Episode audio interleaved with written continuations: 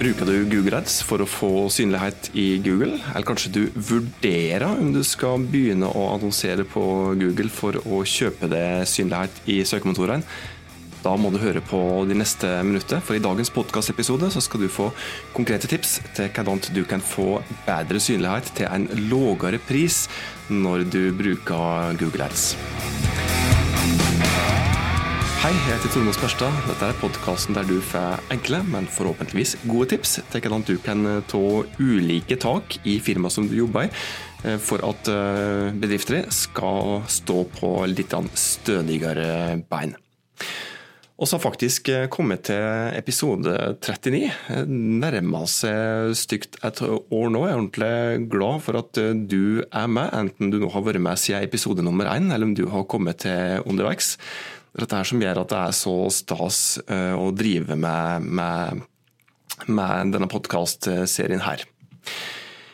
Ja, sjølve saken. Det var, det var Google Ads vi skulle prate om i dag. og bare for ordens skyld, dette her er ikke en slik komplett guide til hvordan du kommer i gang med Google Ads. Dette her er bare en opplisting eh, for så vidt i kronologisk rekkefølge, men noen tips da, til hvordan du kan få mer att for den tida og de kronene som du bruker på Google-annonsering. For Det er jo kjensgjerning at det er utrolig enkelt å komme i gang med Google Ads. Det tar vel fort ikke nødvendigvis noe mer enn en eh, tre-fire minutter før du, fra, du, fra du har logga det på Google og til, til, til, du er ferdig med den første annonsen din. Men greia er jo det at eh, det er noen slike fallgruver her, og det er noen Eh, tak som du bør ta, og noe feil som du bør unngå for å slippe å bruke eh, for å slippe å kaste bort eh, pengene dine på, på feil synlighet og ikke minst en irrelevant målgruppe. Så du skal rett og slett få noen tips til hvordan du kan få mer att for den tida og de kronene som du bruker på Google Ads. Og Det første tipset det er at du, det handler vel strengt tatt eh, før du begynner, det som skjer før du begynner å annonsere. og det er At du hele tiden skal starte med målet ditt. Hvorfor skal du annonsere? Hva vil du ha igjen for det? Hva er det, det endelige målet her? Eh, det kan jo være at du generelt sett vil ha høyere omsetning i nettbutikken din f.eks. Det kan være et mål for så vidt at du, at du vil ha mer eh, trafikk inn til nettsida hjemme. At du f.eks. vil Eh, at du ikke greier å bygge så god såkalt organisk synlighet, gratis synlighet, på en del ord og uttrykk. Og da kan det være en strategi å bruke Google Ads òg, for, for, å supplere med den synligheten, for å kjøpe det til bedre synlighet. Men det starter hele tiden med å tenke gjennom hva er det som er målet ditt. Du må tenke gjennom hvem er det som er målgruppa di, eh, slik at du både greier å finne fram til gode søkeord som målgruppa de faktisk eh, bruker. Eh, men òg at eh, det er også viktig å tenke på målgruppa di for at du skal greie å sette de i skoet til målgruppa når du skal utforme kampanjen din, og ikke minst utforme annonsebudskapet. Prøv å tenke som de ulike målgruppene dine der. I tillegg til å tenke på målgruppa di, så må du hele tida gjøre gjøre ei god søkeordanalyse. Eh, og dette her er også et typisk felle som fryktelig mange går i. At de kjøper synlighet på ord og uttrykk. Altså nå prater om bedrifter. Bedrifter kjøper synlighet på ord og uttrykk som de tror det er viktig å være synlig på. Og Det er ofte en mismatch mellom det som bedrifter sjøl tror, og det som målgruppa tenker, det som kundene dine tenker. og Derfor så bør du hele tida gjøre ei søkeordanalyse, slik at du ikke kaster bort penger på, på, feil, på å kjøpe synlighet på feil søkeord. Eh, dette er ekstremt viktig, altså, som utrolig mange eh, ikke gjør en god nok jobb på. Det er for så vidt et eget eh, eget fag, dette her, så hvis du ikke har jobba med søkeordanalyse før, så vil jeg nok anbefale at du, at du ber en proffe om hjelp, i hvert fall i startfase her. For det at uh, den investeringen den vil du eh, tjene inn igjen mange ganger. altså. Det er òg et tips at du skal tenke nøye gjennom eh, kampanjestrukturen din. Det er jo ja, det er jo beste praksis å følge her òg. Det som du må tenke inn om du skal ha ei eller noen få kampanjer med mange ulike annonsegrupper i hver kampanje, eller kanskje skal du ha ganske mange kampanjer med ikke fullt så mange annonsegrupper i hver enkelt kampanje. Eh, som sagt, det er en beste praksis å følge her òg. Eh, men det er ikke nødvendigvis en fasit som gjelder for hver enkelt bedrift. Hvis du f.eks. har en ja, Hvis du har en nettbutikk da, for musikk, eller kanskje en nettbutikk for vinylplater Jeg er jo ordentlig glad i vinyl.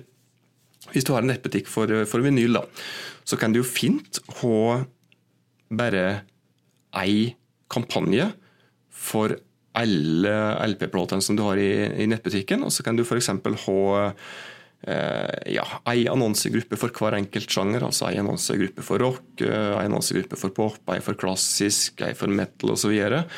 Men du kan òg ha uh, ei kampanje for hver enkelt sjanger, og heller velge å ha annonsegrupper under hver enkelt. Altså Du kan f.eks. ha ja, ei kampanje som heter Metal, f.eks. Og så kan du ha ei annonsegruppe for norsk metal, ei annonsegruppe for black metal, ei annonsegruppe for doom, ei for trash metal osv. Men det er uansett viktig å tenke gjennom kampanjestrukturen din da, før, du, før du setter ordentlig i gang.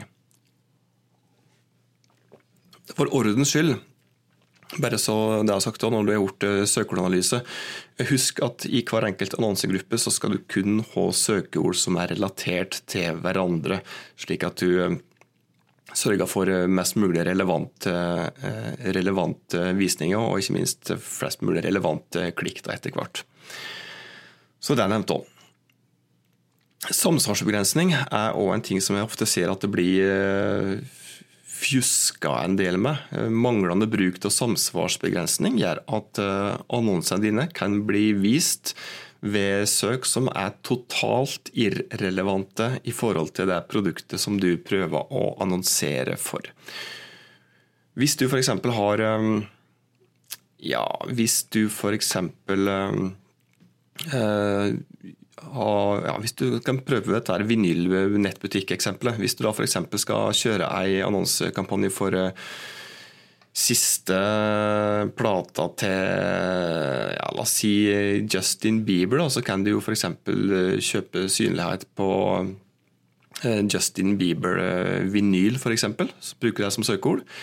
Hvis du da ikke bruker samsvarsbegrensning der, altså null samsvarsbegrensning, så kan du risikere at annonsa di blir vist for en en 13-åring som googler kun Justin Bieber. Men bruker du samsvarsbegrensning, så kan du styre dette her. En 13-åring som da, da googla Justin Bieber, googla jo da ikke nødvendigvis det for å kjøpe den siste vinylplata til Bieber. Eh, kanskje langt derifra. Så jeg sier litt om viktigheten til samsvarsbegrensning. Eh, bruk og annonseutvidelse det kan gi bedre resultat, men husk at det må være relevante for hver enkelt annonsegruppe. Det er òg utrolig viktig. Eh, det er òg et tips ja, hvis du har satt opp at annonsene dine skal bli vist på, på nettsider som har åpna for visning av Google-annonser. Det er mange nettsteder som delfinansierer eh, det de gjør bedriften sin, eh, nettsidedriften sin, ved å åpne opp for at andre plasserer annonsene sine der. Og det kan skje delvis, eh, delvis eh, automatisk. Og det som du må passe på da, hvis du, har, ja, hvis du bruker f.eks. bannerannonser da, og har angitt at dette skal vises til f.eks. Google sitt, sitt nettverk, så må du passe på å sette opp eh, plasseringsekskluderinger og temaekskluderinger, slik at de annonser for ditt produkt, for ditt firma, ikke blir vist på nettsteder som du ikke vil at produktet ditt skal, skal, skal havne på. altså eller annonser for ditt produkt skal havne på. Uh, typisk her så har vi ikke noen ordentlige slike ordentlig rasistiske nettsteder. Jeg trenger ikke nevne navn, som det slett ikke er sikkert at du vil at ditt firma skal relateres til. Og da bør du så absolutt sette opp ei eh, ekskludering i Google Ads, slik at du passer på at dine annonser ikke blir vist på de ulike nettstedene som du ikke vil at de skal bli vist på. Du har òg mulighet til å bruke temaekskludering, slik at du kan f.eks. Eh, sette opp det under kampanjeinnstillingene dine, at annonsene dine ikke skal bli vist på, annonser, nei, på, på nettsteder som eksempel, Som, som, som har et voldelig tema. da f.eks.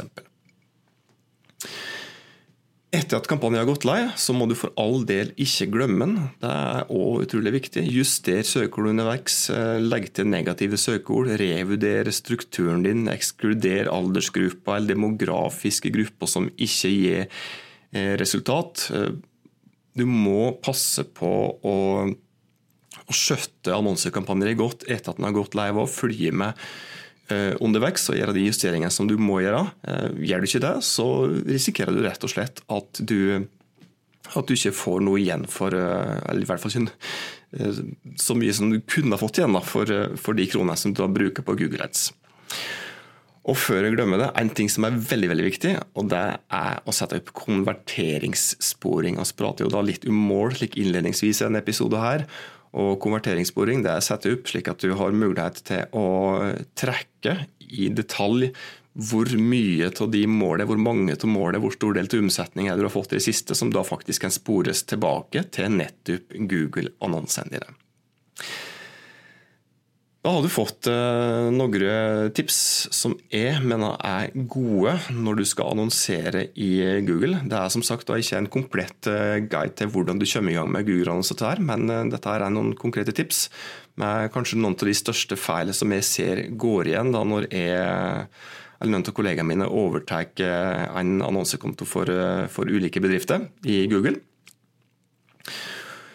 Og ja, absolutt noe av de typiske, mest typiske feilene som, eh, som oss ser, da, og som eh, du så absolutt bør unngå, for da slippe å kaste penger rett ut av vinduet.